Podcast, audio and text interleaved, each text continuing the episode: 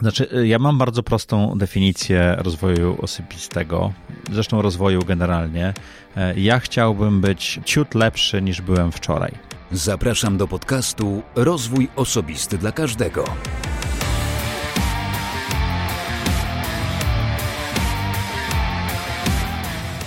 Cześć, ja nazywam się Wojtek Struzik, a Ty słuchać będziesz właśnie 90. odcinka podcastu Rozwój Osobisty dla Każdego, który nagrywam dla wszystkich zainteresowanych świadomym i efektywnym rozwojem osobistym.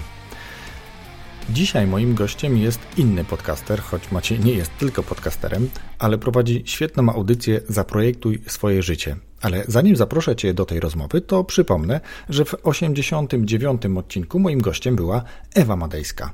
E, rozmawialiśmy o budowaniu historii, o budowaniu opowiadań, ale kiedy wbijesz sobie w sieć Ewa Madejska, to zobaczysz, że Ewa jest doktorem nauk humanistycznych, literaturoznawczynią, pisarką, dramatopisarką, scenarzystką, redaktorką, wykładowczynią twórczego pisania i tak dalej, i tak dalej. Więc jeśli jeszcze tej rozmowy nie słyszałeś, to serdecznie Cię do niej zapraszam. A teraz o czym rozmawiałem z Maciejem? No oczywiście, że o projektowaniu życia, ale to tylko między innymi. Rozmawialiśmy o tym, czym dla Macieja jest rozwój osobisty, rozwój zawodowy, z czego czy na czym Maciej uczył się, na sukcesach, na porażkach, czy pociągało go w życiu bardziej rozwijanie, zarządzanie, inwestowanie, a tu powiem Ci, że żadna z tych rzeczy. I skąd pomysł na podcast? Ale między innymi padły też pytania od patronów. Jakie aspekty swojego życia warto zaprojektować? Albo jakie rady dałby osobom, które chcą świadomie projektować swoje życie? To pytania od Krzyśka i od Tomka. Za te pytania gorąco dziękuję. A teraz serdecznie zapraszam Cię już do wysłuchania całej rozmowy. Wszystkiego dobrego. Cześć, nazywam się Maciej Filipkowski. E, odpowiedź na to, czym się zajmuję, zawsze jest dla mnie dużym problemem. E, najłatwiej mi powiedzieć, że jestem emerytem, który prowadzi podcast, czy tam audycję Zaprojektuj swoje życie, ale właśnie takie reakcje, jak tutaj naszego drogiego prowadzącego, który się chichra, się z tym spotykają, ale efektywnie ja tak zaprojektowałem swoje życie, że w wieku 46 lat e, przestałem e, pracować dla pieniędzy. Nauczyłem się, jak to robić, żeby niewielkie zresztą pieniądze pracowały dla mnie i zacząłem robić to, co lubię i kocham. E, I zajęło mi 5 lat, żeby odkryć to, co lubię i kocham. Okazało się, że e, prowadzenie wywiadów z interesującymi ludźmi zadawanie im trudnych pytań to jest to, co sprawia mi najwięcej przyjemności. Aczkolwiek na tym nie da się zarobić, także muszę też robić rzeczy, które powodują, że na chlebek z masełkiem jest taki, taka długa odpowiedź na krótkie pytanie. Bardzo dobra. Ja wolę, kiedy one są dłuższe, niż tylko zajmuję się tym i tamtym w jednym zdaniu. Nie? To zawsze później łatwiej tak. zbudować jest dalszą konwersację już na podstawie tego, co gość powie na, na dzień dobry. To bardzo ładnie powiedziałeś. A ja zadam drugie pytanie, zanim przejdziemy do sedna. Jaka jest Twoja pasja? O, tak już trochę powiedziałeś, ale czy to na pewno pasja i czy jest jedyna? Moją największą pasją jest uczenie się, słuchaj. E, ja, Wojtku, po prostu zawsze uwielbiałem się uczyć i uczenie się, e, rozwiązywanie e, problemów, zrozumienie, jak rzeczy działają przede wszystkim, rzeczy i, i ekonomia, i społeczeństwo, i ludzie i tak dalej, jest dla mnie największym takim, um, największą frajdą, największą pasją, tak? E, I to chyba byłoby to. Tak. Rozumiem. Nie jest to żeglarstwo, mhm. nie jest to alpinistyka, wiesz, nie jest to zbieranie monet, monet aczkolwiek jak byłem tam, wiesz, siedmiolatkiem czy ośmiolatkiem, to było znaczki i monety. To... No właśnie, y, ja znaczki, znaczki, ale to może jak już takim byłem 10-12-latkiem, no widzisz, dzisiaj nie wiem, czy ktokolwiek znaczki zbiera w ogóle. Jakieś takie koła tych filatelistów chyba się bardzo Kiedy skończyły. ostatnio wysłałeś list? No właśnie. Y, taki prywatny, taki prywatny, bo wiesz, służbowo to jeszcze się wysyła, nie wiem, sąd, urząd skarbowy, jakieś takie inne instytucje, głównie bank, no ale generalnie opieramy się już głównie w komunikacji mailowej, messengerowej, czy tak. też innej komunikatorowej, nie? Takiej bardzo drobnej, uproszczonej, krótkiej, nie rozpisujemy się. Nawet już kartek z wakacji chyba sobie nie wysyłamy. No ja nie wysyłam. Ja muszę powiedzieć, że ani świątecznie. Ja wolę zadzwonić do tych osób, na których mi zależy i spędzić z nimi kilka minut. E, na rozmowie. Jak się uda, to kilkanaście na rozmowie, bo uważam, że to jest bardziej takie osobiste dotknięcie tej osoby. Ale a propos e, tytułów, które mówiłeś, jak się goście przedstawiają, jak czasy się zmieniają, to ja kiedyś miałem taką rozmowę z jednym z moich szefów i tłumaczył mi, im ktoś ma dłuższy tytuł na wizytówce, tym jest mniej ważną osobą w organizacji, no bo prezes ma jedno słowo, tak? Czasami prezes zarządu, nie? Więc ja stwierdziłem, że przedstawianie się jako emeryt brzmi dumnie. A na pewno zabawnie. tak, wywołuje, od razu wywołuje rozmowę. Super. Macieju, e, jak już powiedziałem, zanim jeszcze włączyliśmy nagrywanie, bardzo cieszę się, że zgodziłeś się na nagranie tego podcastu. E, wzajemnie siebie słuchamy, to już sobie też wyjaśniliśmy. Ty nawet słuchasz z bliźniakami drugiego podcastu bajkowego, z tego e, co wiem. O, podcast bajkowy jest przebojem. Słuchaj, Spotify mi tylko co chwilę pod, podsyła, wiesz, podobne rzeczy, a ja Trzymam się. Muszę nieskromnie powiedzieć, że poza Mariuszem, czyli tata czyta, to tak naprawdę ludzie nawrzucali tam kilka bajek i, i, i, nie robią tego regularnie, a ja znajduję w tym taką mhm. frajdę, że cieszę się, że, że mam takich odbiorców jak ty na przykład i twoje bliźniaki, to jest super. E, ale nie spotkaliśmy się, czy też nie rozmawiamy mm, e, tutaj głównie o bajkowym, czy nawet o podcaście, tylko mam kilka swoich pytań do ciebie, tak żebyśmy o, o coś mogli oprzeć naszą rozmowę, a nawet zdarzyło się, że patroni też mają do ciebie, jak słyszeli, że ty będziesz gościem podcastu, to od razu się posypały pytania. O, widzę, że twoi, pa, twoi patroni też mają możliwość zadawania pytań. Tak, tak, tak, wiem, ty też tak, tak zaprojektuj swoje życie też tak jest. Super, tak. nie, to jest świetna sprawa. W ogóle tak a propos to ja tu na wstępie, bo zawsze mówię na zakończeniu gdzieś albo na początku, dziękuję swoim patronom, są niesamowici, jakby frajda tworzenia takiej mikrospołeczności jest czymś dla mnie niesamowitym. To jest dla mnie nowe doświadczenie. Kontakt z nowymi ludźmi, którzy tak tobie zaufali, Tobie również, bo ty też masz przecież tam chyba, nie wiem, ponad 30 patronów. Ilu ty masz patronów? Już e, po urodzinowym odcinku chyba 45 Brawo, gratuluję, słuchaj. To, słuchaj. To, jest niesamowita tak, rzecz. Bo nie? powiedziałem, że w prezencie 5 zeta miesięcznie wystarczy. no tak z jajem. To może też tak powiem. Ale generalnie jakby od nich są e, bardzo ciekawe czasami pytania i do ciebie od razu, jak e, Pisałem, że umówiliśmy się na spotkanie, na rozmowę, to od razu te pytania się posypały, ale do tego za chwilę. Mm, ja, ponieważ podcast jest głównie o rozwoju osobistym, chociaż nie zawsze w sposób bezpośredni pytam o to swoich gości, to Ciebie zapytam trochę bardziej bezpośrednio, czym dla Ciebie jest rozwój osobisty i czy rozróżniasz, czy ma dla Ciebie to znaczenie ten rozwój osobisty, a rozwój zawodowy? Mówisz, że lubisz się uczyć, a to jakby tak bardzo mocno powiązane jest ze sobą przecież. Znaczy, y, ja mam bardzo prostą definicję rozwoju osobistego, mhm. zresztą rozwoju generalnie. E, ja chciałbym być e, e, ciut lepszy niż byłem wczoraj.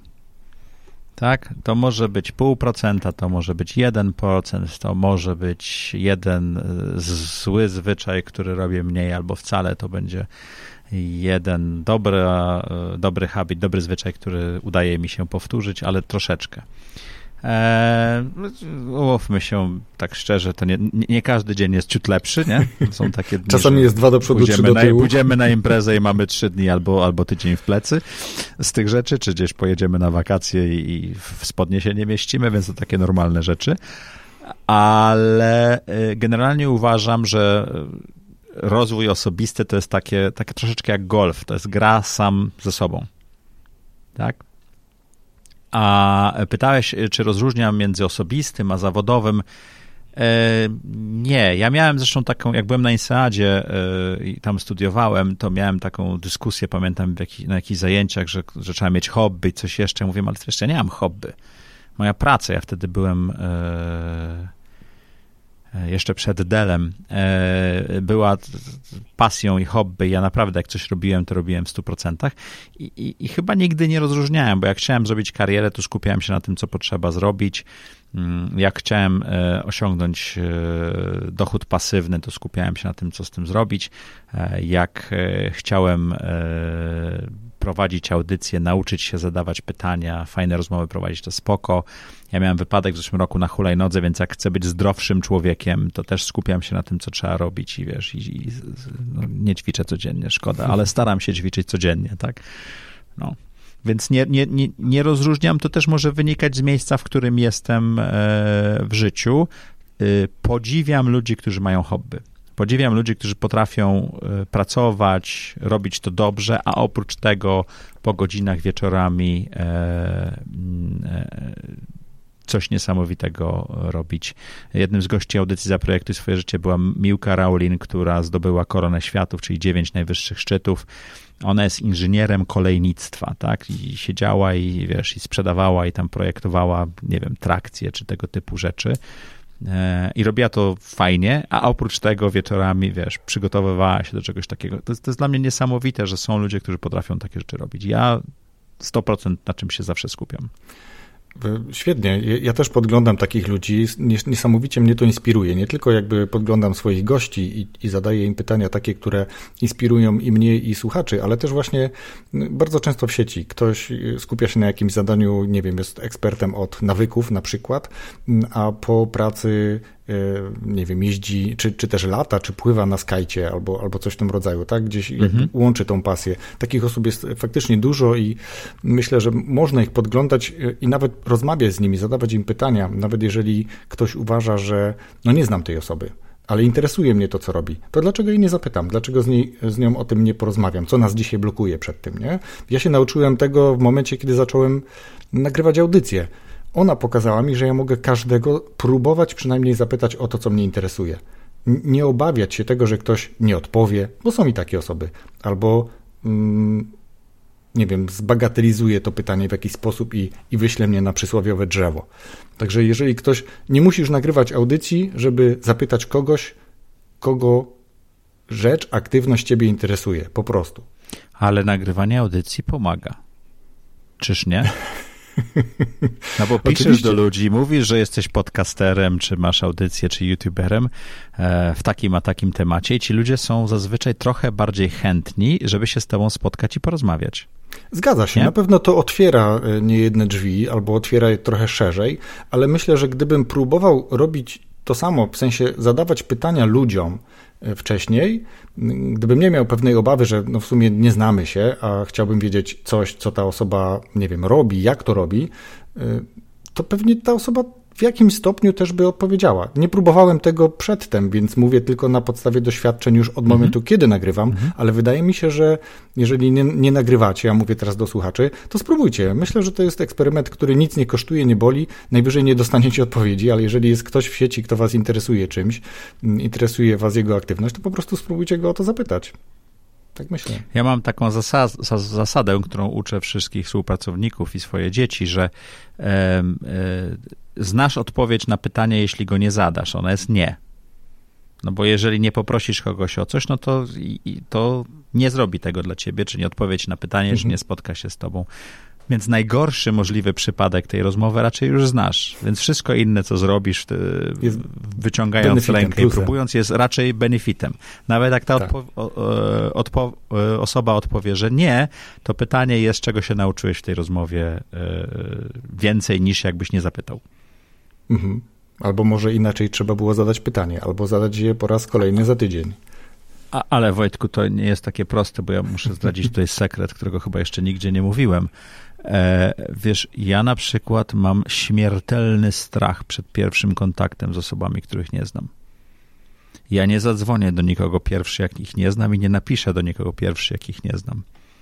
Ja zawsze budowałem, wiesz, takie sytuacje, gdzie mogłem kogoś, na, kogo, na kim mi zależało, poznać w jakimś takim społecznie akceptowalnym e, setupie typu konferencja czy coś takiego, że można było pogadać, a potem ruszyć, bo nie wiem czemu, ale zawsze miałem blokadę. Czyli generalnie wolisz najpierw e, rozpocząć to jakimś networkingiem, jakąś zaplanowaną sytuacją, żeby osobę poznać, a dopiero później ewentualnie po raz pierwszy się z nią skontaktować już w jakimś określonym celu. Albo poprosić kogoś, żeby nas przedstawił. No tak, to też jest rozwiązanie. Dokładnie. Tak, aczkolwiek od kiedy mam audycję, to to się stało y, dużo prostsze. Czyli wychodzisz poza tą swoją przysłowiową strefę komfortu i poznajesz osobę po raz pierwszy bez networkingu? Większość osób pisze do mnie, słuchaj, że chciałaby wystąpić w audycji czy coś takiego, więc to już jest prostsze. Ja nie muszę robić pierwszego kroku. Drugi krok jest łatwy, wiem jak je zrobić. Pierwszy krok jest zawsze problemem. A to takie, to takie śmieszne od 51-letniego faceta powiedzieć, że boi się podejść do ludzi. No ale słuchaj, ale ja miałem takie sytuacje, opisywałem to ostatnio w rodzinowym odcinku, że jak zaczęła się audycja i zrobiła się trochę popularna, to ludzie zaczęli do mnie podchodzić na ulicy, czy tam na lotnisku, czy przy lodziarni i, i ja tak stałem i tak, wiesz, totalnie nie wiedziałem, co ze sobą zrobić. Totalnie nie. nie to, to ja się na gwiazdę nie nadaję, także większe, większej popularności nie chcę. Tak zwany, y, jak, jak to mówi mój syn, fame. Tak, tak, niepotrzebny w życiu w ogóle. Zupełnie, zupełnie. No musimy się trochę nauczyć e, żyć, bo skoro już jesteśmy pewnego rodzaju, nie wiem, twórcami, nie wiem, twórcami internetowymi, czy, czy jakkolwiek to nazwać, no to możemy zostać gdzieś rozpoznani. Ja tobie się nie dziwię, bo faktycznie twoja audycja jest niesamowicie popularna i cały czas wysoko w rankingach e, aplikacji do słuchania podcastów, z czego ci bardzo gratuluję. I zanim zapytam o to, czyli o, o, jakby o sam pomysł i trochę więcej, to chciałem jeszcze zapytać coś takiego, co mm, nawet ostatnio w książce, której, którą czytałem, było, że trudno znaleźć cytaty dotyczące błędów, porażek stricte, bo one wszystkie opierają się o sukces, czyli zawsze gdzieś ta porażka mm, jest y, w, w, kontekście sukcesu pokazywana. Ja chciałem Ciebie zapytać, czy Ty się bardziej uczyłeś ze swoich sukcesów, czy bardziej uczyłeś się ze swoich porażek? Bo zakładam, że trochę w życiu i sukcesów, i porażek przecież miałeś. Ja chyba najbardziej to się uczyłem z książek, bo ja bardzo lubię czytać, tam bardzo dużo książek. E, I takie obszary, które mnie interesują, to zazwyczaj e, na tym to polega. E, ja mam, e, dodał, zanim odpowiem w pełni na to pytanie, to wiesz co, jest taka prosta rzecz jak negatywna selekcja, tak? Czyli widzimy miliarderów, którym wyszło, bo na studiach rzucili studia i zrobili typu Jobs czy Zuckerberg, ale nie widzimy dziesiątek tysięcy osób, które zrobiły dokładnie taki sam krok i zbankrutowały i po, poszły na kasę do McDonalda, czy do Walgreens, czy gdziekolwiek indziej, żeby się utrzymać, żeby potem spływać po, po raz drugi i trzeci. E, I dlatego osoby, z którymi chcemy rozmawiać o porażkach, to są zazwyczaj osoby, które odniosły sukces. Tak? Taki czy inny, no bo one wtedy mogą powiedzieć, mhm. że z tej porażki czegoś się nauczyłem i to mi dało sukces. Nie wydaje mi się, że szczególnie publicznie jesteś w stanie dotrzeć do osób, które miały y, za sobą serię porażek, ale statystycznie to jest oczywiste. Jeżeli masz krzywą Gaussa i po prawej stronie masz Jobsa, Zuckerberga i paru innych, Warrena Buffetta, którym naprawdę w życiu wyszło i naprawdę byli pracowici, to po lewej mhm. stronie będziesz miał ludzi, którym naprawdę w życiu nie wyszło, y, chociaż byli pracowici albo nie byli pracowici. To jest dość normalne. E, więc e, Odpowiadając na pytanie, czy się bardziej uczę z sukcesów czy z porażek, ja się generalnie uczę z doświadczeń. Staram się zwracać uwagę, co każde doświadczenie mi daje. Jeżeli jest to porażka, to ona oczywiście zazwyczaj daje mi silniejszy bodziec emocjonalny, co powoduje, że bardziej zwracam uwagę na te doświadczenia y, merytoryczne. Jeżeli jest to sukces, to daje mi oczywiście dopaminkę i jest fajnie, ale ten bodziec emocjonalny y, szybciej się wypłaszcza i trzeba na to zwrócić uwagę. I, i, i, patrzę sobie w tym momencie na moje doświadczenia, jak one mnie kształtują i tak dalej, i jak się mają do rzeczy, które czytałem. Ja bardzo dużo w tej chwili czytam właśnie o chemii mózgu, o tym, jak myślimy, co powoduje że pewne rzeczy jest nam łatwiej zapamiętać, nauczyć się, a co nie. I zwracam uwagę na te doświadczenia w moim życiu, które e, powodują, że staję się lepszym człowiekiem. I to mogą być e, porażki, to mogą być nawet fakapy poważne, że po prostu totalnie coś zepsułem jako człowiek, czy biznesowo, czy rodzinnie, ale to też mogą być e, sukcesy, szczególnie te drobniejsze, tak. Ja w tej chwili, ja całe życie szukałem bardzo dużych wychyleń, czyli, znaczy ja szukałem oczywiście bardzo dużych sukcesów i bardzo dużych radości w życiu, ale jak masz duże wychylenia w górę, to automatycznie masz też duże wychylenia w dół i nigdy nie potrafiłem się cieszyć e, takim codziennym dniem. I myślę, że to jest ostatnich 3, 4, 5 lat, gdzie trochę świadomie postanowiłem, że to jest to, na czym chciałbym się skupić. I zresztą, jak rozmawiam z przyjaciółmi, teraz miałem urodziny, więc miałem dużo telefonów z całego świata, to mówią, ty jakiś taki nudny teraz jesteś, bo zawsze mówiłeś, że wiesz, albo u ciebie się wali, albo u ciebie się po prostu buduje kolejna wieża Eiffla, a teraz mówisz, że fajnie było na wakacjach. No i że czytam, że wiesz, to, bo, bo ja tak stoicko spłaszczyłem tą krzywą, tak, e, doświadczeń i chyba jestem szczęśliwszy. To, to cieszy generalnie. Ja myślę, że trochę z perspektywy czasu, z, per, z, perspektywy tych doświadczeń zmienił się priorytet po prostu w Twoim życiu i teraz y, zresztą sam sobie taki cel narzuciłeś, cieszyć się bardziej tym życiem, tym dniem codziennym. Tak to zrozumiałem przed chwilą, to co, to, co powiedziałeś. Tak. E, a propos doświadczeń, o których y, mówisz, to bardzo jestem ciekaw, bo masz ich wiele i jestem ciekaw, które, jakby, która część Twoich doświadczeń, chyba bardziej zawodowych, Mm, pociągała Cię najbardziej? Czy było to rozwijanie na przykład, czy zarządzanie, bo tutaj też masz olbrzymie doświadczenie, czy na przykład inwestowanie, bo teraz y, też mówiłeś o dochodzie pasywnym, więc to zwykle jest związane z jakimś inwestowaniem. Co to było? Albo co to jest? Wygrywanie. Wygrywanie. To zawsze jest wygrywanie. Wiesz co, ja jestem sprzedażowcem. E, mhm. W Delu e, zacząłem swoją karierę w sprzedaży, byłem GM-em, potem miałem pod sobą 27 krajów. E, w Samsungu odpowiadałem za sprzedaż i, i, i w wszystkich innych firmach, poza jedną chyba, gdzie byłem w marketingu, to była sprzedaż. I wygrywanie zawsze było taką ważną częścią mnie. Wygrywanie w grze E, którą jakkolwiek sobie ją zdefiniowałem. Teraz, będąc e, autorem audycji za projekty swoje życie, e, uczę się, jak robić tą audycję coraz lepiej, tak? I moim wygrywaniem są oczywiście zasięgi, odsłuchy, ale najciekawszą rzeczą, na którą zwracam uwagę, to jest ile procent odcinka jest odsłuchane. Tak? My mamy odcinki tak w okolicy godziny, czasami dłużej, Ostatnio rekordzista był ponad dwie godziny, więc podzieliliśmy to na dwa. No i wiesz, na YouTubie jak to jest 30 parę procent, to jestem załamany, a to się okazuje, że to jest całkiem dobry wynik, ale w podcaście jak to jest 60, mhm. 70, czasami 80 kilka procent, to mówię, wow, udało mi się zrobić coś niesamowitego, tak? Więc e, e, myślę, że e, to jest kwestia, żeby, jeżeli ma się taką potrzebę e, ścigania się z króliczkiem, to też ważna informacja, bo te psy, które biegają za tymi gumowymi królikami, e, tak są hodowane, żeby nigdy go nie złapały, bo jak go złapią, to już potem nie chcą na tym torze biec.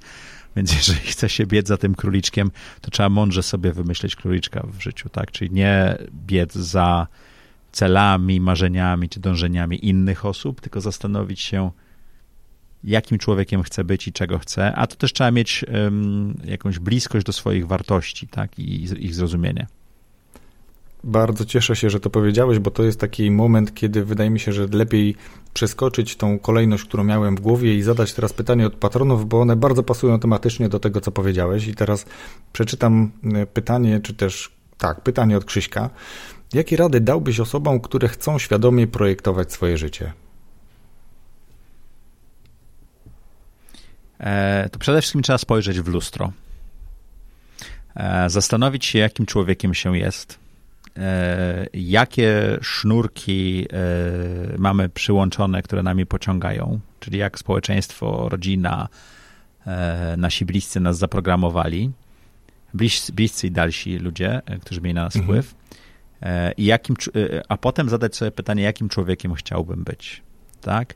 E, I to nie jest, ile pieniędzy chciałbym mieć na koncie, czy na której liście, na którym pozycji listy przebojów, jakiejkolwiek to by było, e, chciałbym być, tylko jakim człowiekiem chciałbym być.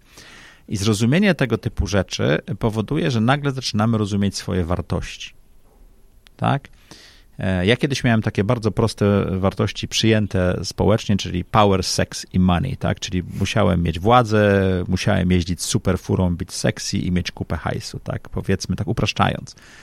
Um, ale one były bardzo dobrym żaglem, czy też garbem, który zamieniłem w żagiel, bo one napędziły moją karierę i parę innych rzeczy, ale też spowodowały, że rodzina mi się rozpadła i tak dalej, i tak dalej. Więc e, na moje własne życzenie chyba.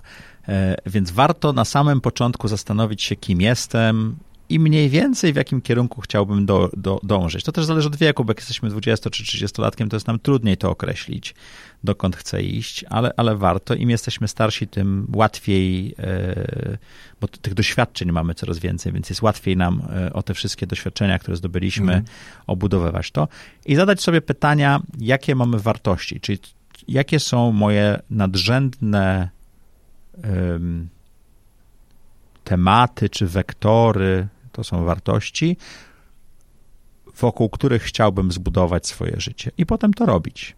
Mi się udało określić 3 czy 4 lata temu y, moje nowe wartości. Znaczy, one tam, mówiłem już, że uczenie jest jedną z tych wartości. Mhm. Niezależność była bardzo duża. Zaczęło się od niezależności finansowej, teraz jest taka generalna niezależność życiowa, że chciałbym nawet kosztem e, innych rzeczy nie zależeć od innych osób, instytucji i tak dalej. E, oczywiście nie w 100%, bo mamy rodzinę, mamy dzieci i tak dalej i one zależą od nas, my od nich, ale w jak największym zakresie. A wartość, którą odkryłem czytając e, e, książkę Bena Zandera, to było oddawanie, czyli tam contributing, tak? Kontrybuowanie do społeczeństwa. I jak odkryłem tą wartość, to między innymi ten proces doprowadził do tego, że zacząłem prowadzić audycję, w której e, mądrzy, bardzo często mądrzejsi ludzie ode mnie opowiadają o tym, jak im to w życiu wyszło i nie wyszło i, i dzięki temu mogę się dzielić doświadczeniami innych ze światem. I to jest świetne właśnie, bo to, to mnie też pociąga właśnie w podcastach, e, nie tylko twoim i, i, innych rozwojowych czy edukacyjnych, ale generalnie właśnie w podcastach, że jest bardzo dużo dzielenia się oddawania. Nie? Czyli ludzie jakby najpierw nazbierali te doświadczenia, popełniali tych błędów całą masę, a później o tym opowiadają, dzielą się i z tego można naprawdę czerpać, jeżeli ktoś potrafi, to pełnymi garściami. Więc to I to jest za darmo dostępne. I to jest za darmo dostępne. Dokładnie. Wystarczy tylko po prostu, wiesz, włożyć słuchawki i posłuchać na spacerze, czy biegając, czy jadąc do roboty. Tak. Doskonale zdajesz sobie sprawę, że mm, większość dobrych audycji, większość Twoich e, choćby odcinków, gdyby były wygłaszane przez tych ludzi gdzieś na aulach, to albo byliby, byłyby pełne sale studentów, albo byłyby to mm, nieźle opłacane prelekcje gdzieś na jakichś różnych wydarzeniach, no bo to są ludzie, którzy naprawdę wiedzą, co mówią, mają naprawdę duże doświadczenia i zwykle za coś takiego się płaci, a w podcastach nie. A, ale w podcaście to też jest troszeczkę, że trzeba poczekać na te perełki, bo takie przemówienie jest przygotowane i tak dalej, a ja lubię moich gości zaskoczyć, rozgrzeć. Najpierw opowiadamy o ich historii życia, to jest pierwsze 15, 20, 30 minut. I tak naprawdę yy, to nie o to chodzi w tym podcaście, to o to chodzi, żeby ten człowiek poczuł się bardzo dobrze i ja mniej więcej w połowie podcastu zaczynam zadawać takie pytania, które przygotowałem albo wychodzą z rozmowy, gdzie zaczynam poznawać tego człowieka. Zresztą miałem jednego z e, fanów i, i chyba patronów, który napisał, że y, teraz odcinek jest podzielony na dwa, to fajnie, bo cały może obejrzeć, bo on zaczyna o, oglądać odcinki od, od połowy, bo wtedy robi się ciekawie, tak? A, a mi zależy w tych pierwszych 15-20 minutach nagrania, żeby gość poczuł się dobrze, żeby się rozluźnił, dlatego opowiada o sobie. Tak? Zresztą Mateusz Kusznierewicz, jak u mnie był i na koniec, y, ja mam takie pytanie na koniec, y, co chciałbyś, żeby ludzie zapamiętali z tej rozmowy? On mówi, kurczę, zapomniałem, że to są kamery i mikrofony, tak się dobrze rozmawiało, tak? No tak jest, tak jest. Ale ty mówisz o tym, że masz taki y, zaprojektowany przebieg swoich audycji. No myślę, że też bardzo podobnie robią chłopcy z podcastu, czy panowie, bo może tak powinienem powiedzieć, przedsiębiorcy z wyboru. Nie wiem, czy słuchałeś, ale też y, tak, bardzo, bardzo dobry, projekt. Bardzo, tak, tak, myśmy się pierwszą... spotkali. Myślę, że mamy bardzo podobne tak, ten model jest zbliżony. Przez, przez, pierwszą, jak, przez jak, pierwszą część jak jest, wiesz... wchodzimy se w słowo. tak. Przez pierwszą część jest, jest po prostu wesoło, zabawnie i, i, momentami ja gubię jakby ciąg logiczny, a później jest naprawdę mięso i już są same konkrety, więc y, to jest też ciekawy model, w jaki te audycje są prowadzone, twoja, chłopaków i pewnie wiele, wiele innych. Ale pozwól, że zadam od razu drugie pytanie mm, od y, Tomka, od y, patrona. Jakie aspekty swojego życia warto projektować? Tu też sam osobiście jestem ciekaw twojej odpowiedzi. To ja może powiem teoretycznie, bo praktycznie nie do końca mi to wyszło. Zacząłbym od zdrowia, e, bo ja jestem po wypadku na hulajnodze i od roku nie mogę się pozbierać, ale e, generalnie mamy olbrzymi wpływ na nasze zdrowie dietą, ćwiczeniami, e, takim rozsądkiem, tak? E, warto pouczyć się troszeczkę o przemianie materii, o fizjologii, fizjonomii i tego typu rzeczach w wieku dwudziestu paru lat, kiedy nasz organizm wszystko jest w stanie przyjąć e, i poćwiczyć i zbudować. To, to nie, nie, absolutnie nie chodzi mi o sporty ekstremalne. Co tam pokazujesz? Książki Mity mojej żony, która medyczne czyta 1, 2, 3. Tak, tak. Mity zdrowia. medyczne 1, 2, 3. My tutaj, dla słuchających, my tutaj się przez e, pewną aplikację, nie reklamując żadnej, widzimy, jak rozmawiamy. E, tak, tak. E, więc to byłaby moim zdaniem, znaczy to nie jest coś, co ja zrobiłem, ale tak patrząc z perspektywy 51-latka, to to jest pierwsza rzecz, na którą warto zrobić, bo ten wehikuł, w którym nasza świadomość, dusza, każdy niech wpisze to, to w co wierzy, siedzi, E, jest wehikułem ułomnym i należy o niego bardzo dbać. To jest pierwsza rzecz. E, drugą rzeczą, e, o którą warto zadbać, i tutaj Michał Szafrański, o którym już wspominaliśmy, świetnie doradza, to jest zrozumienie swoich finansów, bo to da nam wysoki poziom bezpieczeństwa i niezależności. Tak? Ja nie mówię o tym, żeby stać się finansistą, tylko rozumieć, co to jest budżet mhm. Rozumieć, jak negocjować. E, z pracodawcą, mhm. czy jak, tak, jak, jak się ma firmę, jak robić cashflow, jak się ma dom, to jak robić budżet domowy, to jest to samo e, i tak dalej. I, i równocześnie e, trzecia rzecz to jest to, co mówiłem na samym początku, to żeby lepiej poznać siebie. Tak, czyli zrozumieć, dokąd dążymy, co nam daje szczęście, co nas wkurza. Ja jestem w tej chwili w takim związku, że jak się wkurzymy na siebie, to dość łatwo i często rozmawiamy, że e, ta sytuacja wyniknęła z tego, że jak ty robisz to, to ja czuję to i zachowuję się w ten sposób, dlatego że jesteśmy bardzo świadomi i możemy porozmawiać, a nie jest e, wiesz, trzy dni milczenia albo dwa dni krzyków, tak? E, proszę sobie wybrać związek, w którym coś nie wychodzi. Więc to jest dość, ale posiadając tą świadomość siebie, można dość jasno powiedzieć, że to, co druga osoba zrobiła, tak czy inaczej wpłynęło na moje uczucia, zachowanie i tak dalej, więc ja mogę się zatrzymać, zastanowić, jeżeli jestem w stanie to w sobie zmienić, to zmienić. Jeżeli nie, to wytłumaczyć drugiej osobie, jakie to ma skutki, tak? I e, posiadając te trzy rzeczy, czyli zdrowie, spokój i e, samoświadomość, będzie nam bardzo łatwo y, projektować, w jakich kręgach chcemy żyć. Tak? Jakimi ludźmi się otaczać. To, to, to się dzieje równocześnie, oczywiście, bo jeżeli będziemy e, ćwiczyć, to oczywiście będą to ludzie, którzy są wysportowani. Jeżeli będziemy mieli wysoką świadomość finansową, to będą ludzie, którzy będą budowali sobie gniazdko z dochodem pasywnym, a nie kupowali kolejny samochód na kredyt jeżeli będziemy mieli wysoką samoświadomość, to będziemy otaczali się ciekawymi przyjaciółmi i być może znajdziemy ciekawego partnera czy partnerkę. Mhm tu już kilka myśli w międzyczasie w głowie mi się uzbierało od tego, że o zdrowie dbamy w momencie, kiedy je tracimy. To niestety, ale jest tego taka pewnego rodzaju prawidłowość, no bo kiedy jesteśmy młodzi, o tym też już mówiłeś, to na wiele rzeczy nie patrzymy tak jak mm, po 20 latach na przykład. Tak? Mam 20-30 lat, a później mam 40-50 i te same rzeczy patrzę na nie zupełnie inaczej. Ja wierzę w to, że to, co robimy poprzez podcasty, poprzez dzielenie się doświadczeniami, doświadczeniami gości, nawet te młode osoby dzisiaj próbujemy przygotować trochę bardziej do, do tego, co je może w życiu spotkać, zarówno tej strony zdrowia, o której mówiłeś jako pierwszą rzecz, którą warto projektować świadomie, poprzez taką e, spokój, spokój w oparciu o finanse, o umiejętność zarządzania tym, tym co jest naszym przychodem i, i rozchodem, czy też jak powiedziała kiedyś moja siostra mieszkająca wiele lat w Stanach, odchodem, bo źle odmieniła, e, ale też później przez taką właśnie samoświadomość siebie, więc to jest e,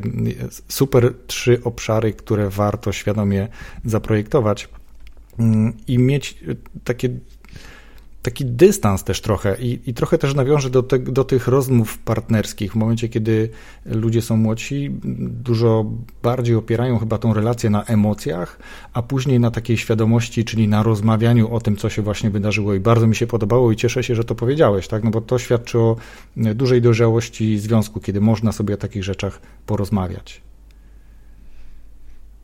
Oczywiście nakrzyczawszy przedtem, tak, jeżeli o mnie chodzi.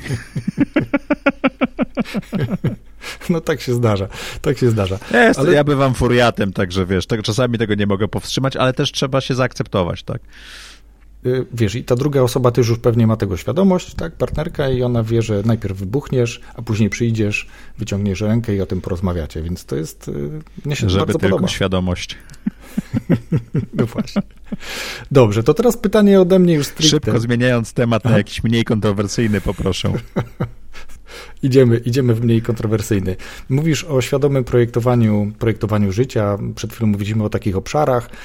Ja tutaj z e, czystej e, ciekawości też zapytam, jak bardzo świadomie zaprojektowałeś całą swoją audycję od nazwy poprzez przebieg, o którym mówiłeś, że najpierw trochę rozgrzewasz gościa, a później e, prawy, lewy i gdzieś tam te pytania trochę bardziej ciekawe, ożywiające. Jak to wyglądało w przypadku podcastu? On miał strategię, mm, no dobra, no poopowiadaj o tym trochę.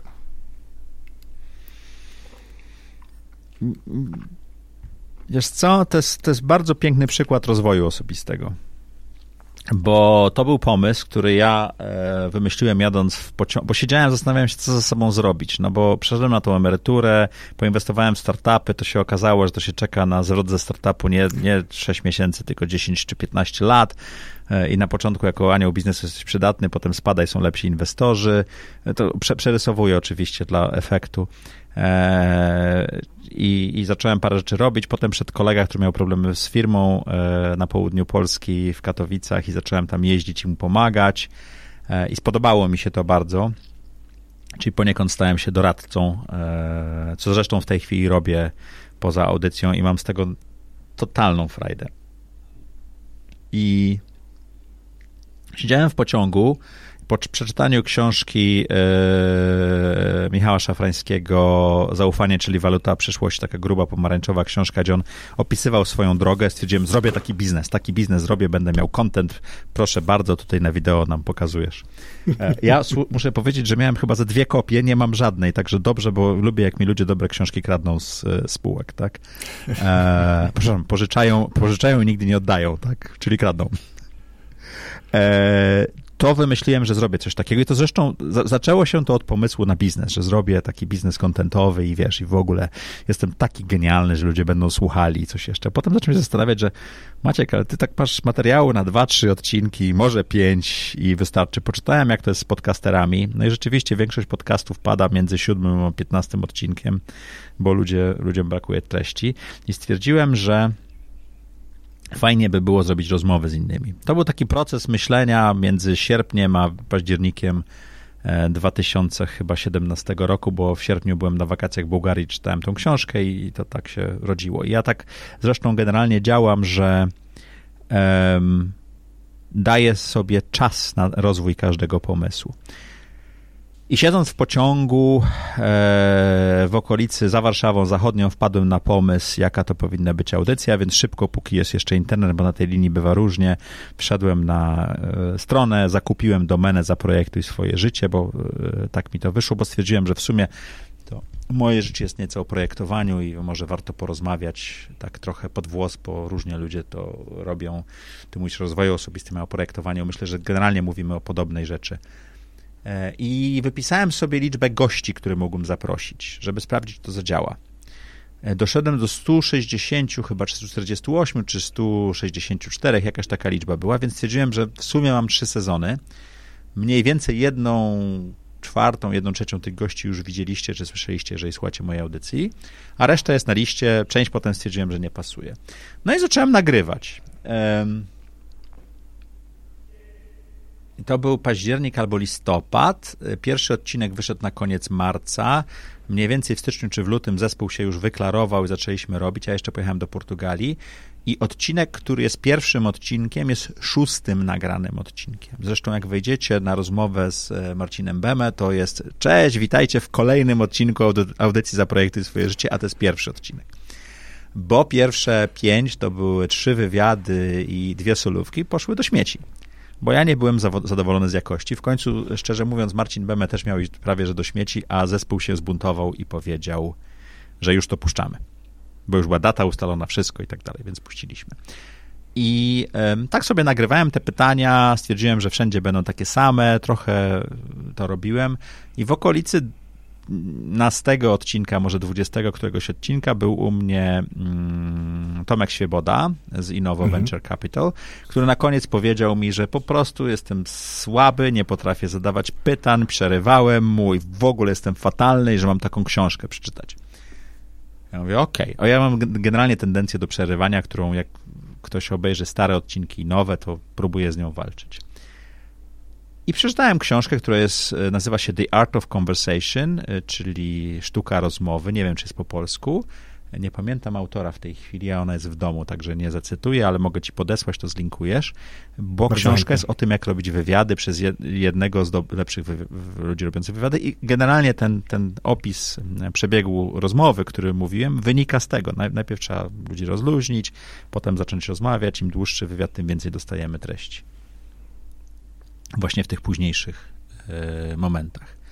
I to jest dokładnie to, co próbuję powiedzieć, to jest rozwój. To nie jest tak, że ja siadłem i miałem idealny podcast. Moje pierwsze odcinki poszły do śmieci, moje kolejne e, miały różną jakość prowadzenia, różną jakość nagrania, różną jakość gości, bo miałem gości, którzy w ogóle nie pasowali e, do tego tematu i miałem gości, których nie potrafiłem prowadzić, bo byli silniejsi, przejmowali rozmowę i tak dalej. Ale z każdym odcinkiem starałem się, żeby było trochę lepiej. Jak ludzie pisali, że, że jestem taki czy inny, to miałem to w nosie, ale jak pisali, że mógłbym zrobić to tak czy inaczej, to stwierdziłem, no dobra, spróbuję. E, ostatnio dostałem bardzo ciekawy feedback, że e, pani by wyszła, gdybym ja z nią robił wywiad, bo ciągle przerywam. E, to była chyba z Piotrkiem Piasek. A Piotrek mówi, że był świetny wywiad. Ja mówię, no to, to szkoda, bo goście, jeszcze nie było gościa, który wyszedł, ale z drugiej strony rzeczywiście ja przerywam, więc zwracam uwagę na to, żeby gościom za bardzo nie, nie przerywać, nie dopowiadać, bo ja myślę szybko i chciałbym, żeby ta rozmowa, wiesz, szła w jakimś tam tempie, trzeba ludziom dać się wypowiedzieć. Więc to był taki proces. E, potem pojawił się pierwszy reklamodawca, na razie mieliśmy e, tam dwóch czy trzech reklamodawców, potem pomysł na Patronite. I to wszystko jest takim procesem, że my bardzo często widzimy jakiegoś człowieka sukcesu, czy artystę, czy Pokémon Go jest dobrym przykładem, taka gra, że wszyscy mówili wow, jednodniowy sukces, instant success, tak, że od razu, wiesz, tam zalewasz wrzątkiem i masz sukces. Facet, który to robił, to było jego czwarte czy piąte podejście i on dwadzieścia parę lat pracował z różnymi e, grami i różnymi firmami nad e, gamifikacją e, lokalizacji, tak? I to tak mhm. jest. I, i, I ta audycja, którą ja prowadzę, mam nadzieję, że będę ją prowadził za, za 2, 3, 4, może nawet 5 lat. Mam nadzieję, że będzie niebo lepsza niż jest teraz, tak? Moja e, przyjaciółka, kto, z którą kiedyś rozmawiałem na śniadaniu, e, i mówiłem, że wiesz, no tak, to z rok temu na początku audycji, że tam porównywałem się do paru osób, ona mówi, ale co ty się do takich ludzi porównujesz? Ty powinieneś być Davidem Lettermanem tak? Gdzie ludzie po prostu chcą przyjść do ciebie i mieć poważną rozmowę o biznesie i, i zaprojektuj swoje życie z takim miejscem. Ja mówię, o kurczę, to jest fajne i yy, właśnie rozmawiając też z chłopakami z przygód przedsiębiorców, oni mówią, że ich głównym konkurentem jest Forbes. Mówię, o, podoba mi się to. Nie w sensie druku czy czegokolwiek, tylko ludzie, którzy czytają w tej chwili Forbesa, fajnie by było, żeby słuchali Zaprojektuj swoje życie, no bo te wywiady będą lepsze. Kiedyś mówiłem takie same, a teraz mówię lepsze. I, i, i, i w ten sposób. I to jest jakaś taka aspiracja, do, to jest to ściganie się, nie? to jest taka aspiracja. I jeżeli chodzi o um, rozwój osobisty, czy projektowanie tego, ja, ja mam, ja raczej projektuję wektory, czyli chciałbym iść w danym kierunku, Y, te wektory mają czasami siłę dołączoną, czyli ten wektor jest dłuższy, mocniejszy, grubszy, jakkolwiek sobie to zwizualizujecie. Ja bardzo wierzę w siłę wizualizacji. A jak jest mniejszy, to tylko daje mi kierunek, ale nie stawiam sobie, wiesz, milestone'ów, KPI, OK, OKR-ów, czy jakkolwiek tego z, zrobimy. Ja mam bardzo prosty system codziennych tasków. To, to są kartki papieru w notesiku, gdzie ja przepisuję taki bullet journaling i jak nie zapiszę, to ja mam bardzo prosty taki system e, robienia sobie tasków i notatek, gdzie zapisuję sobie codziennie i przepisuję, jak czegoś nie zrobię, to muszę przepisać kolejny raz i kolejny raz i w końcu się spotykam z tym, że najnormalniej w świecie muszę e, wykreślić pewną rzecz. To bardzo mi się podoba też to, co powiedziałeś, że y, wiesz, nie, nie upierasz się bardzo mocno przy, przy jakichś y, takich niezmiennych strategiach, przy takim y, pracowaniu w oparciu o narzędzia, które znane są w korporacjach, a w korporacjach pracowałeś, tylko generalnie masz swoje proste narzędzia, swoje wektory, swoje notatki, swoje kartki i jest coś, co jest moim zdaniem jednak niezbędne i potrzebne nie tylko dla kogoś, kto chciałby wystartować ze swoim podcastem, a ty to zrobiłeś. I ludzie bardzo często o tym zapominają, i chyba dlatego ten siódmy czy tam dziesiąty odcinek to jest odcinek ostatni, a przekonuję się o tym bardzo często ostatnio mm, słuchając podcastów do newslettera podcastowego, który wspólnie z ekipą prowadzimy, czyli najlepsze polskie podcasty, kiedy wchodzę w ciekawy tytuł, który znalazłem i widzę, że ostatnia publikacja jest 2018, 2019 czy początek 2020, no i koniec, brakło. Jest kilka lub kilkanaście odcinków. dokładnie, dokładnie tak. A ty zrobiłeś coś, co ja też powtarzam komuś, kto chce zacząć. Usiądź, weź kartkę, ołówek i zapisz sobie 100 odcinków do przodu. Tytuł, gość, temat przewodni, coś, co pozwoli ci określić jakiś czas okres, a i tak w międzyczasie się okazuje to, co okazało się u ciebie. Nie jesteś zadowolony z jakości, nie jesteś zadowolony, albo gość nie jest zadowolony, na przykład nie chce, żeby ten odcinek był opublikowany, albo no, jest wiele różnych innych komplikacji. Nie włączyłeś nagrywania, wyczerpały się baterie, zepsuła się karta SD. No, dzieje się wiele przeróżnych rzeczy w trakcie i warto mieć już gdzieś taką świadomość, że to po prostu może się zdarzyć. Nawet jeżeli wiesz o tym, no to karta może się zepsuć SD. Może się bateria też zepsuć, wyczerpać, albo po prostu uznałeś, że dasz radę, a rozmowa Można jest tak ciekawa, włożyć. tak fascynująca, można nie włożyć. Ale, Można nie, nie włożyć karty, zdarzało Rejestrator wystartuje ci, jak nie włożysz karty? E, na, wiesz, my też wideo robimy i kamery Aha, mają tam okay. jakiś bufor, więc to robią, a potem nie ma. Ale rzeczywiście tak jest, rzeczywiście mamy parę odcinków, gdzie goście poprosili o nie brak emisji, czy my zdecydowaliśmy, że nie wyemitujemy i tak dalej. I to trzeba po prostu patrzeć na to w ten sposób i też się nie spinać. E, w tej książce Bena Zandera, o którym mówiłem, The Art of Possibility, chyba mówiłem, e, jest też taka piękna historia, kiedy Ben Zander, który jest dyrygentem w Orkiestrze Filharmonicznej Bostońskiej. Był czy u premiera Kanady, czy u y, mera któregoś z miast kanadyjskich, już nie pamiętam, i tam wpadali ludzie i byli tacy właśnie, wiesz, podekscytowani i ten, powiedzmy, że to był burmistrz, ten burmistrz się odwracał i mówił, pamiętaj zasadę numer 6. I ci ludzie wyluzowywali, tak? E, no i tam przyszła sekretarka, przyszedł jakiś tam e, minister czy urzędnik i tak dalej, i tak dalej. Takie sytuacje były ze trzy i, i Ben Zender odwraca się i co to jest zasada numer sześć?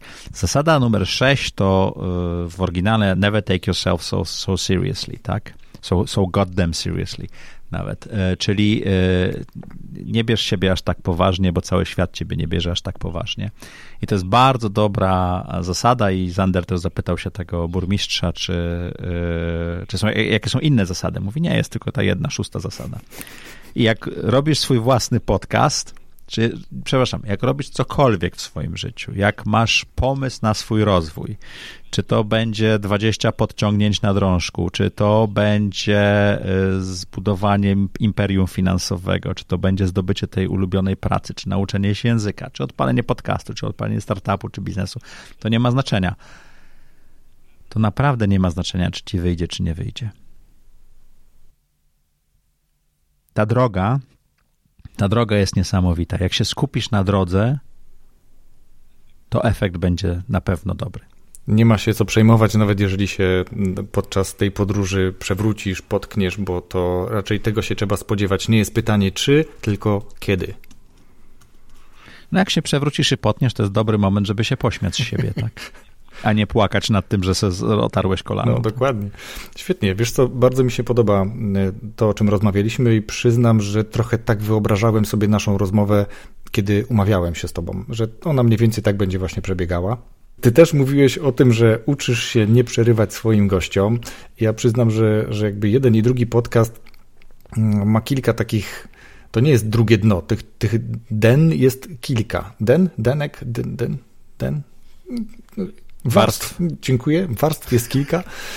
I ten podcast między innymi uczy mnie w mojej takiej relacji zawodowej, na przykład z moimi ludźmi, z moją ekipą, dać im się wypowiedzieć, nie przerywać im. I podcast jest dla mnie świetnym narzędziem, kiedy ja nie przerywam, czy staram się nie przerywać gościom. Chociaż nam dzisiaj nie do końca wychodzi, ale to wiadomo dlaczego.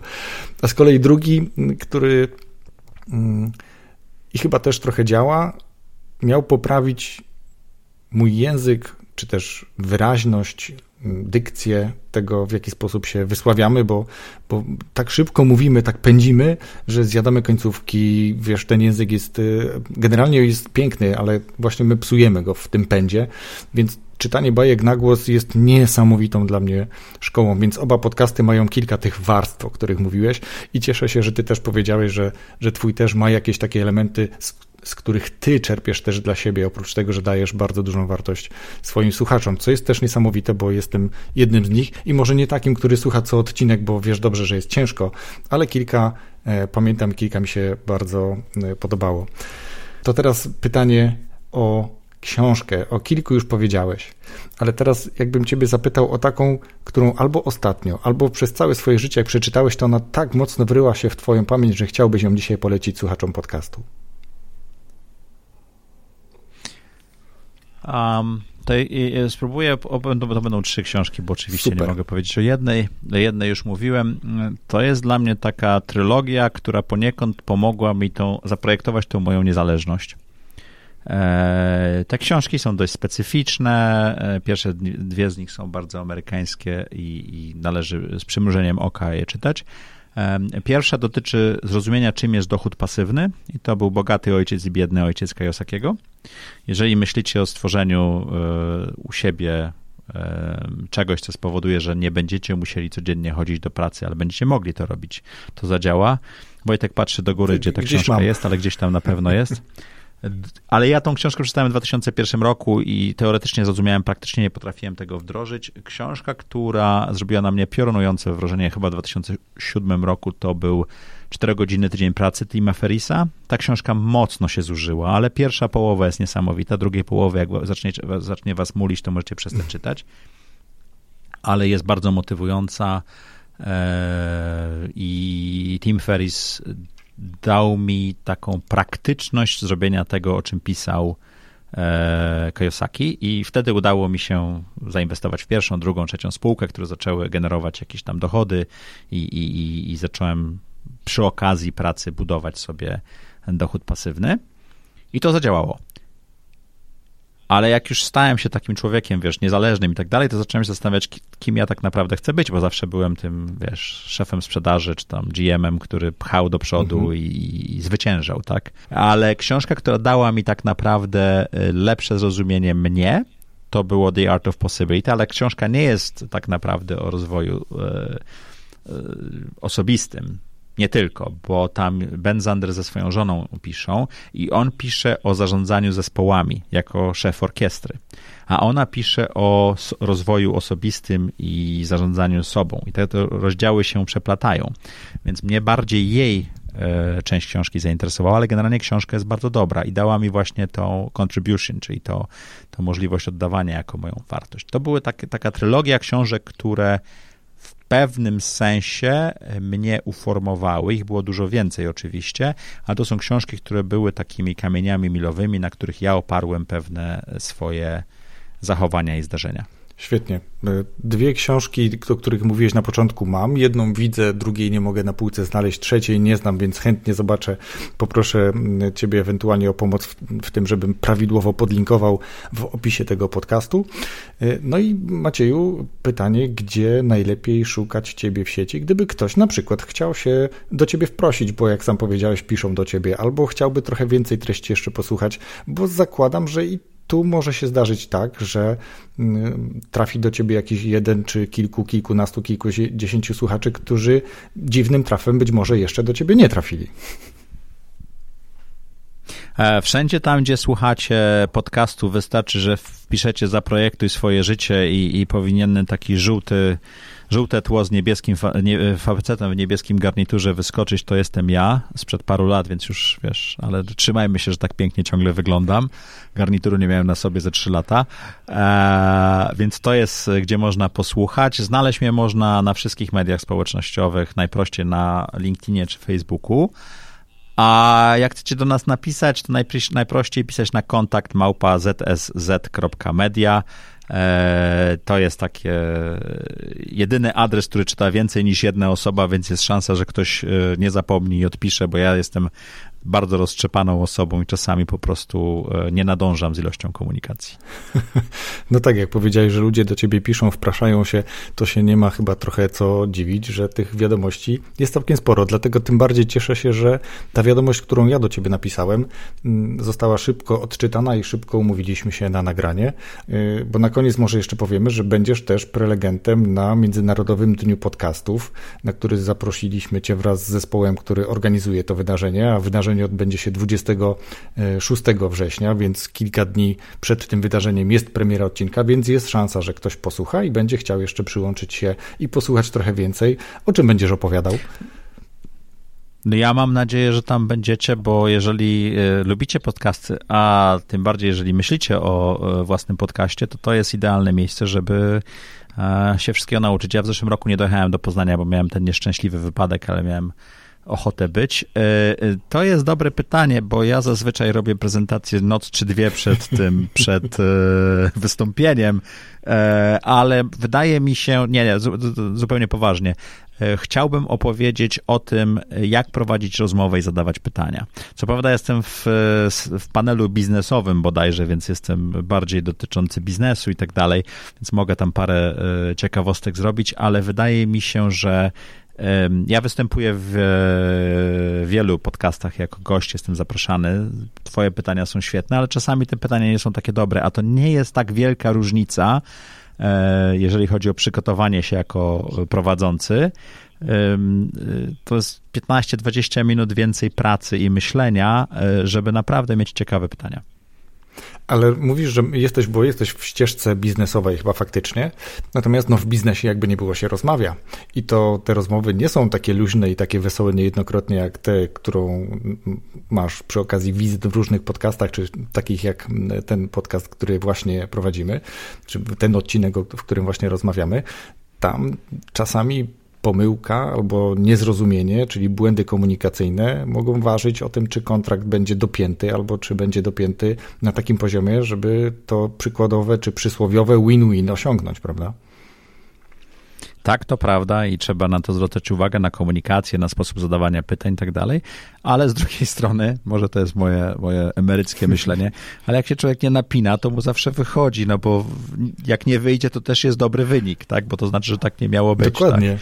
Więc ja trochę, trochę tak na to patrzę. Dokładnie tak jest i dlatego ja czasami, jak mam e, okazję i przyjemność tak naprawdę prowadzić warsztaty dotyczące między innymi na przykład świadomości, takiej świadomej obecności na rynku pracy, to mówię ludziom, że najlepiej jest aplikować w momencie, kiedy mam pracę, kiedy mam dobrą pracę, bo wtedy nie jestem taki spięty, wtedy mam trochę inne możliwości i e, tak naprawdę te kompetencje do negocjacji są na innym poziomie, tak? Bo ja, moja, moja kotwica może być wyżej.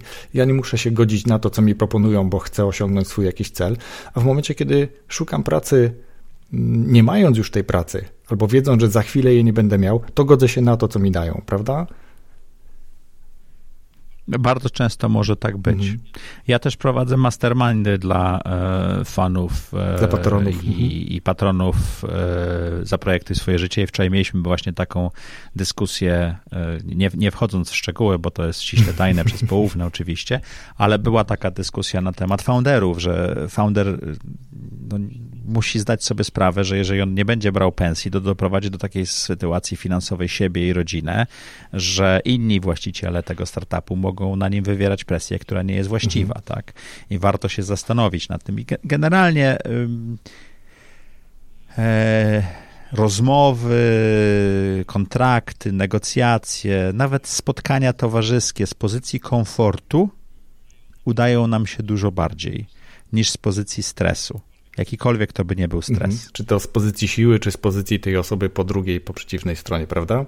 lepiej, kiedy ta sytuacja jest taka, mhm. tak jakby rozmawialiśmy i na początku też powiedziałem i już chyba powtarzam to w kolejnym odcinku, jak gość pyta, e, jak to będzie, ja mówię, no nam się ma dobrze rozmawiać, to wtedy słuchaczom będzie się dobrze słuchało.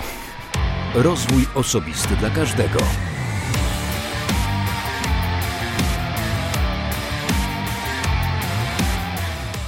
Bardzo dziękuję za poświęcony czas, za wysłuchanie tej audycji. Mam nadzieję, że usłyszałeś w niej wiele ciekawych historii, ciekawych, inspirujących doświadczeń, które będziesz mógł wykorzystać w swoim życiu, w swojej karierze, w swoim życiu zawodowym, jakkolwiek uznasz, że były one dla Ciebie wartościowe.